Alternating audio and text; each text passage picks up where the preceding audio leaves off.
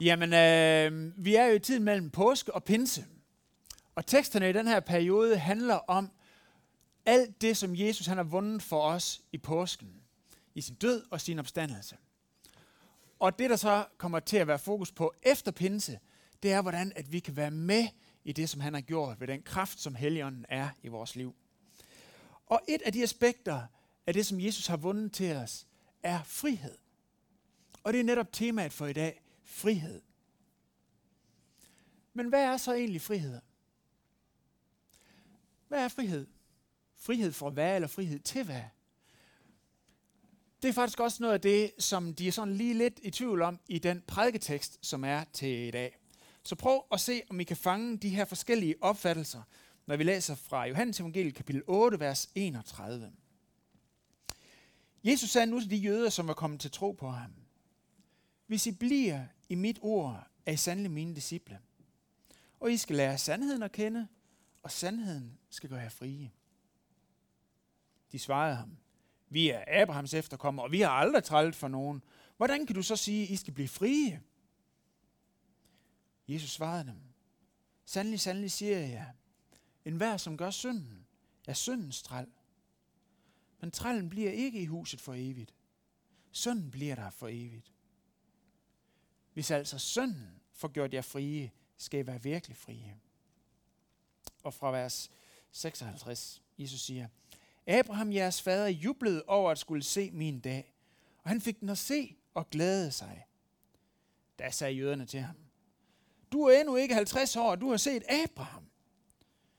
Og Jesus sagde til dem, Sandelig, sandelig siger jeg, jeg er, før Abraham blev født. Da tog de sten op for at kaste dem på ham. Men Jesus forsvandt og forlod tempelpladsen.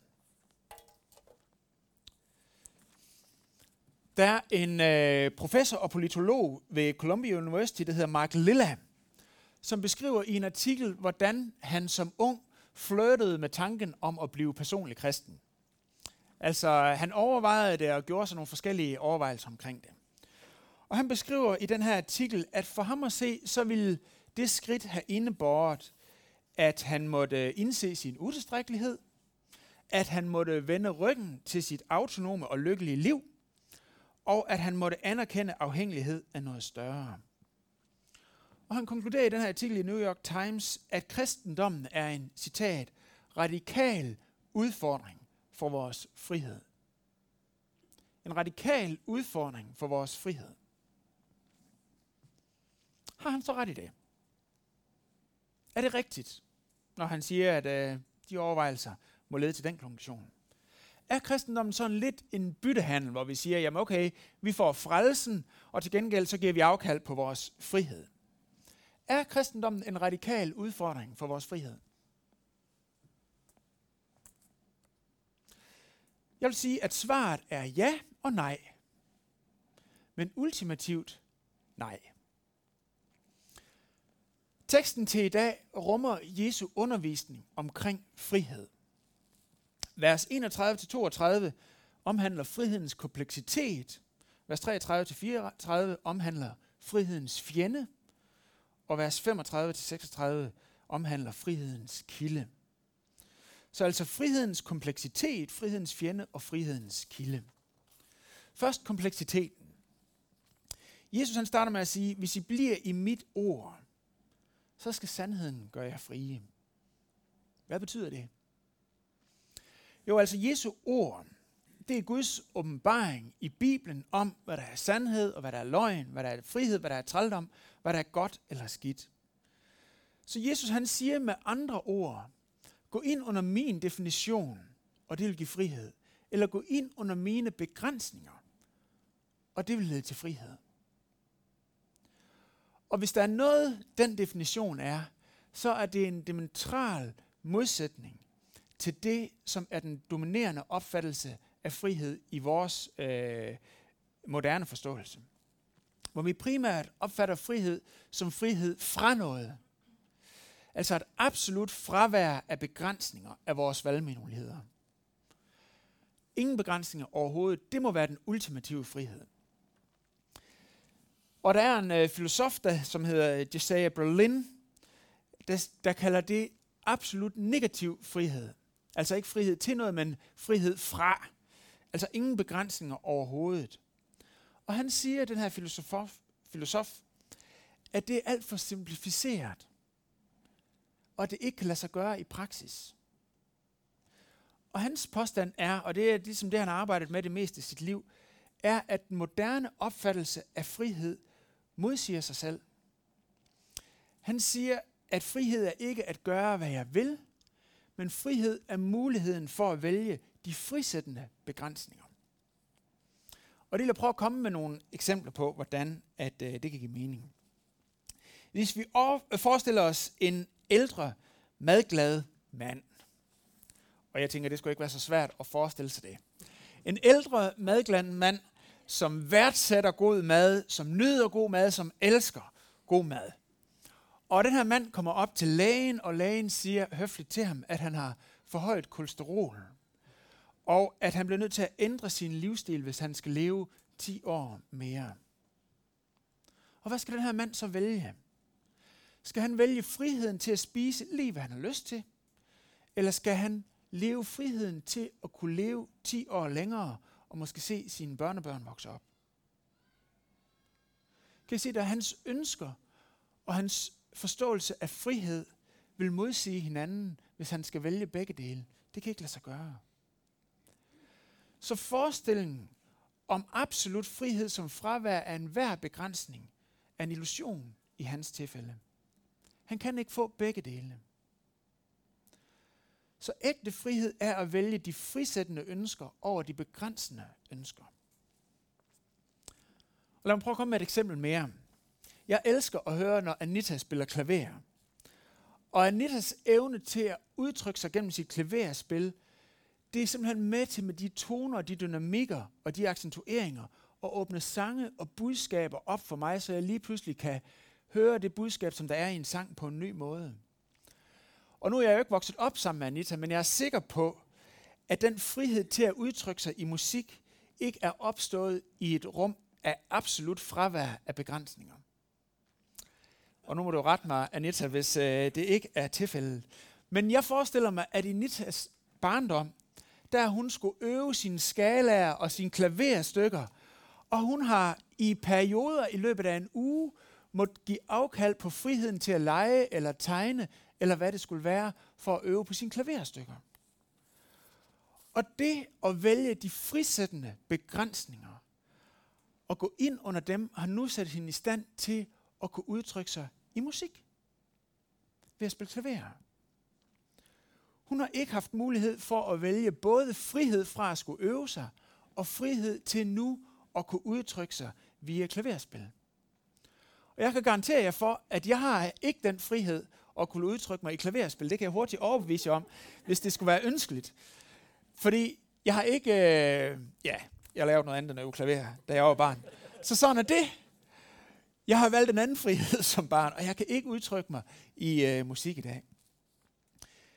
Så den moderne opfald, ikke på klaver i hvert fald, okay. min mor, hun havde et stort drøm om, at jeg skulle blive ligesom Richard Kleidemann. Og, og det havde min farmor også, og de så det helt store lys i mig, men det gik ikke, det må jeg bare sige. så øh, bristede moderdrømme der. Yes. Men, point taken, den moderne opfattelse af frihed som absolut fravær af begrænsninger modsiger sig selv. Frihed er ikke frivær, øh, fravær af begrænsninger, men frihed til at vælge de frisættende begrænsninger. Og det efterlader så med spørgsmålet, hvad er så de frisættende begrænsninger? Se, den herskende opfattelse af frihed fortæller os, at det, som vil begrænse vores frihed, er noget, der kommer til os udefra. I form af andre mennesker, der vil begrænse vores frihed. I form af lovgivning. Eller i form af dårlige politiske eller religiøse systemer. Så det, det, som begrænser min frihed, er noget, der kommer til mig udefra. Begrænsninger, som andre har sat op. Og det, som viser mig vejen til frihed, er det, jeg selv oplever som frihed herinde. Jeg føler, at det her det er frihed for mig. Så begrænsninger er udefra. Frihedens øh, giver eller frihedens retning er noget, der kommer indenfra. Men prøv at se, hvad der står her i vers 33. De her jøder, som snakker med Jesus, siger, vi Abrahams efterkommere har aldrig trællet for nogen. Hvordan kan du så sige, I skal blive frie? Jesus svarede dem, sandelig, sandelig siger jeg jer, en hver, som gør synden, er syndens træl. Altså de her folk siger, at vi har en indre frihed, fordi vi er Abrahams børn. Og Jesus han siger, nej, det er rigtigt nok, at der kan være ydre ting, som tager vores frihed. Men den ultimative fjende, som holder os fanget, er herinde. Den ultimative fjende er ikke systemer eller andre mennesker. Den ultimative fjende er synden, som røver vores frihed og gør os til slaver. Og Jesus han uddyber det ikke yderligere lige det her sted, men det gør han mange andre steder i Bibelen. Og lad mig prøve at komme med et par eksempler. For det første, så modarbejder synden friheden i vores design. Fordi synd er jo lydighed imod vores skaber. Så de ti bud og det dobbelte kærlighedsbud og bjergprædikenen er alle sammen udtryk for det, vi kan kalde producentens brugermanual. Jeg har en bil derhjemme. Den har jeg haft i en tre uger, og den er jeg faktisk meget glad for. Sådan til bonusinfo kan jeg sige, at det er en øh, 10 år gammel Volvo, og øh, den er jeg virkelig, virkelig glad for. Og der er også en brugermanual, der følger med til den. Den lå i handskerummet, og øh, jeg har allerede været ved at læse i den, fordi jeg skulle finde ud af, hvad for noget bremsevæske, der skulle på. Og øh, så en yderligere bonusinfo, så kan jeg sige, at det er DOT 4 bremsevæske, der skal på sådan en 10 år gammel Volvo V70. Og nu kunne jeg jo have valgt at se bort fra producentens brugermanual og valgt min frihed, forstået som absolut fravær af begrænsninger, og så fyldt det, jeg selv følte for på øh, beholderen med bremsevæske. Og jeg kunne i stedet have valgt øh, appelsinjuice, fordi jeg føler faktisk stærkt for appelsinjuice, gerne med frugtkød. Og øh, det kunne jeg have valgt at fylde på min øh, gamle Volvo. Og det ville jo have været en frihed, som jeg kunne have valgt at bruge og se bort fra producentens brugermanual. Men hvis jeg havde valgt at gøre brug af den frihed, så ville jeg have udsat min familie for fare på et tidspunkt, når den begyndte at drikke det her appelsinjuice. Og jeg vil også have udsat øh, mig selv for fare, og alle andre trafikanter i øh, Kolding og omegn vil jeg have udsat for fare, fordi jeg havde valgt at se bort fra producentens brugermanual til min Volvo her. Så hvis jeg bryder med producentens brugermanual i forhold til min bil, i forhold til dens serviceinterval og hvad der ellers måtte være, så bryder jeg bilens design.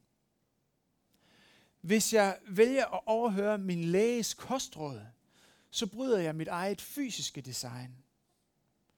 Og hvis jeg vælger at leve et liv øh, sådan lidt i løgn og utugt og hissighed, så bryder jeg min sjæls design så bryder jeg min egen natur. Så begynder jeg at modarbejde mig selv. Fordi så begynder synd altid at lede til tab af frihed. Jeg bryder mit design. Prøv for eksempel at tage øh, det her med tilgivelse. Jesus han siger, tilgiv hinanden, ligesom jeg har tilgivet jer. Men hvis vi i stedet for begynder at forskanse os i bitterhed, så vil en læge kunne sige, at det begynder at give vrede i vores liv, som påvirker vores blodtryk og begynder at skade vores krop. Bitterhed vil også begynde at skade vores relationer til andre. Og det vil begynde at skade vores psyke, så vi begynder at have mindre og mindre tillid til andre, fordi vi har forskanset os i bitterhed. Så ved at gøre det, så vil vi begynde at køre skævt både fysisk og følelsesmæssigt, åndeligt og socialt, fordi vi ikke anerkender vores eget design. Hvordan kan det være, at vi så tit bliver fristet til at gøre noget, der egentlig er så uintelligent? Jo, det er fordi, at synd ikke kun drejer sig om modstand mod at gøre en eller anden bestemt handling, men modstand imod lydighed. Fordi dybt inde i et hvert menneskes hjerte, der siger synden, ingen skal fortælle mig. Ingen skal sige mig. Ingen skal diktere mig. Ingen skal definere for mig, hvad der er rigtigt og hvad der er forkert. Det er den ene grund til, at synd er frihedens fjende, fordi den modarbejder vores design. Den anden grund til, at synd er frihedens fjende, er, at den forhindrer kærlige relationer. I et interview med en fransk forfatter, der hedder Francis Sagan, jeg ser lige, der er ingen protester imod udtalelsen af det. Jeg plejer altid at have sådan en udfordring med udtalelse af, når der kommer noget fransk. Frances Sagan. Uh, øh, hun blev interviewet, uh, det er en kendt forfatter, og hun blev spurgt til, hvad hendes højeste mål i livet har været. Og hun siger, at det var hendes personlige frihed. Og så stiller interviewen hende det spørgsmål, har du så opnået det? Og efter en lille tænkepause, så svarer hun, ja, det har jeg. På nær i de situationer, hvor jeg var forelsket. Se, jeg tror, vi alle sammen godt kan lide, når der er nogen, der kommer os i møde, så viser os forståelse, eller gør et eller andet for at opmuntre os, eller en eller anden handling for at vise os kærlighed, som tjener os. Men hvis det pludselig er os, der skal til at tjene andre, til at vise forståelse for andre, til at komme dem i møde, til at give af os selv for andres skyld, så giver vi lige pludselig afkald på noget af vores personlige frihed, hvis det ikke er lige det, vi føler for i det øjeblik. Kærlighed ødelægger på den måde den frihed til at gøre lige præcis, hvad vi har lyst for til i enhver situation. Altså frihed forstået som absolut fravær af begrænsninger. Og det er det, Francis Sagan så skarpt gennemskuer. Er i de perioder, hvor hun har været forelsket, der har hun ikke været 100% fri. Fordi der har hun handlet uselvisk, uden at det var til egen fordel, ifølge hendes egen definition af frihed. Og jeg lader lige mærke til den her uge, da jeg cyklede ud til Vonsil på et busskur, der er en reklame for Zalando, hvor der står hashtag Together I am stronger. Together I am stronger, det plejer at hedde Together we are stronger. Sammen er vi stærkere. Men det, der skal til os i den loka- øh, reklame, er, at fællesskabet, together, det er noget, du selv får noget ud af. Det er den tilgang til fællesskabet, der giver mening. Together I am stronger. Fordi together we are stronger er faktisk en modsigelse af vores frihed. Fordi det er ikke nødvendigvis altid sådan, at det, når det er give and take, som er det naturlige øh, basis for et fællesskab, så er det en gang mellem for jer, og andre gange, så skal jeg give. Men det modarbejder vores frihed, ikke? Together I am stronger. Det modarbejder kærlige relationer. Men prøv lige at tænke efter. Prøv lige at komme ned i vores øh, erindring dybt ned. Hvornår er det, vi oplever, at livet giver mest mening? At det er størst? Hvornår er det, vi kan mærke, hov, her var noget, der var større end mig selv? Er det ikke netop i de tilfælde, når vi er en eller anden uforklarlig, guddommelig årsag, formår at træde ud af vores egen lille verden i en situation, hvor vi har lyst til at gøre sådan, og så handler vi større end det, der var vores umiddelbare til, tilskyndelse. Er det ikke netop der, vi oplever, wow, her var jeg med til noget stort. Her gjorde jeg noget, der var større end mig selv. Noget, der overgik mig selv. Er det ikke rigtigt, at selvom vi måske oplever i de situationer, at det første skridt virkede unaturligt, så der hvor vi nåede hen, der var det altid skønnere, sandere og smukkere og større oplevelse af frihed at være der, end det vi havde regnet med. Er det ikke sandt? Jeg kender selv til den situation, at være der, hvor man tænker, at der var et eller andet, og man havde lyst til at give igen, og så gjorde man det, for man havde frihed til det. Og underligt nok, når man havde gået med sin egen dagsorden, så var det ligesom om, der stadigvæk var noget ufrit, noget uforløst, noget... Livet blev ikke større, relationen blev ikke bedre, verden blev ikke større, den blev bare mindre, og man kan ikke forstå det, fordi jeg gjorde jo det, som føltes. Hm, hm, hm. Er det ikke rigtigt? Jeg kender selv til at stå i de situationer. Og ved I hvad? Det er, når vi tager de skridt og handle i kærlighed. Det er der, vi oplever lige pludselig at være som en fisk i vand, kærlighedens vand, hvor vi lige pludselig oplever, hov, her var friheden. Og det er synd, der forhindrer os i at være hjemme i kærlighedens vand i de situationer. Så hvis vi skal opsummere, vi har set på frihedens kompleksitet, vi har set på frihedens fjende, og nu vil vi kigge på frihedens kilde. For hvordan bliver vi så frie? Vers 35.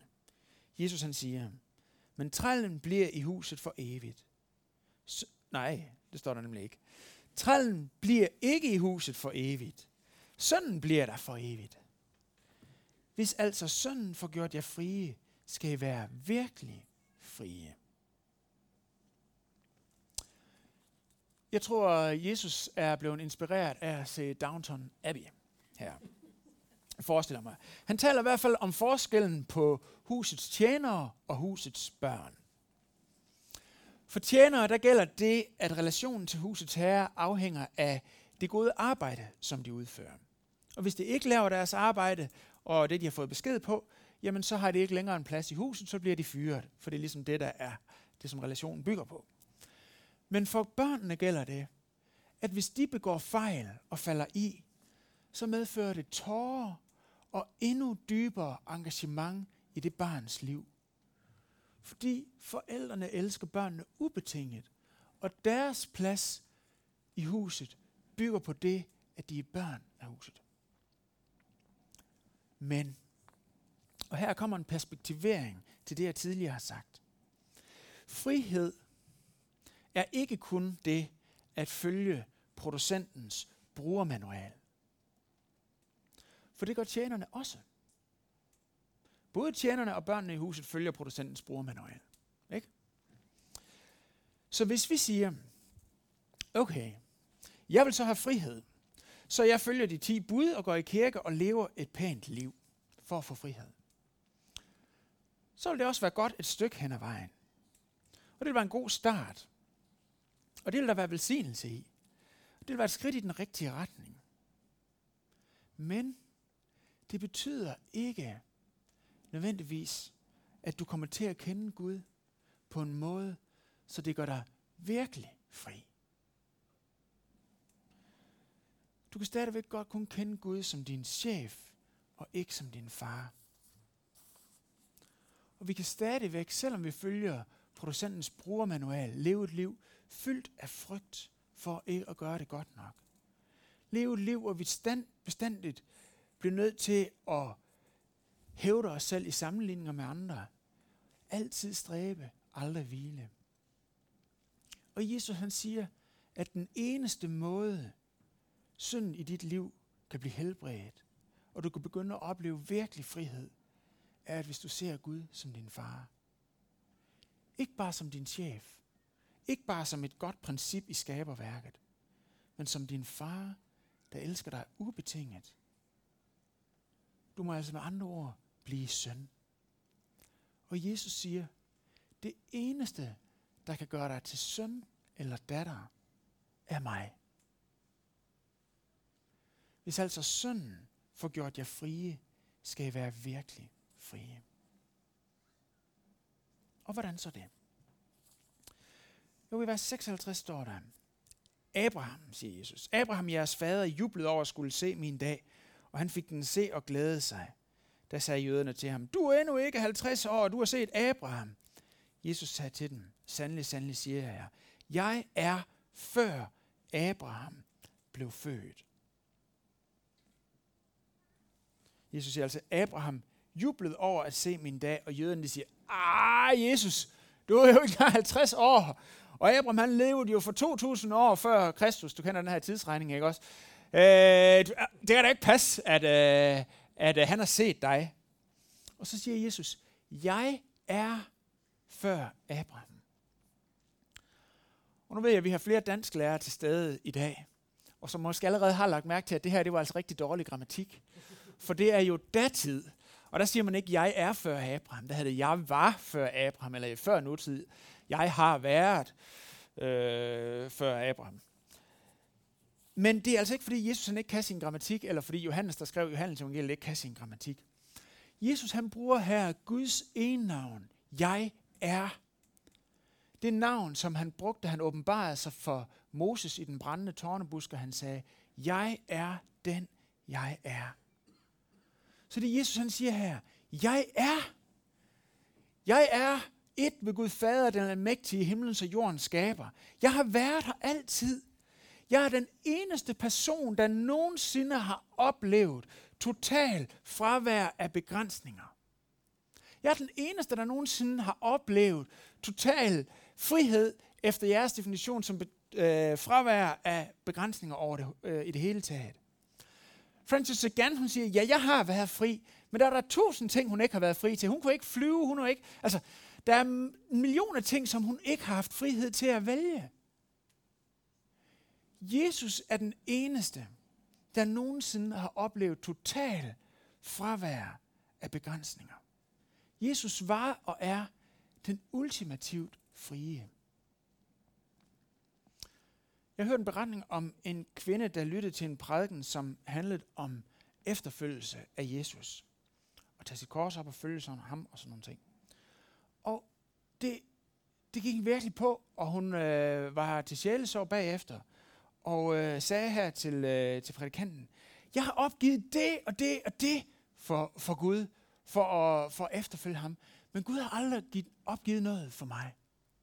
Jeg har opgivet min frihed på det og det og det område, men hvornår har Gud opgivet sin frihed for mig? Og hun fik øh, spørgsmålet at reflektere over.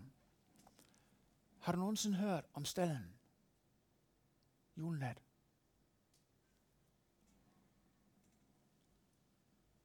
Og i teksten står der, at jøden de vil tage sten op for at stene ham, Jesus. Det var en varsling af den død, som han ville komme til at lede, hvor han oplevede den ultimative ufrihed. Ikke engang fysisk frihed. Navlet til et kors.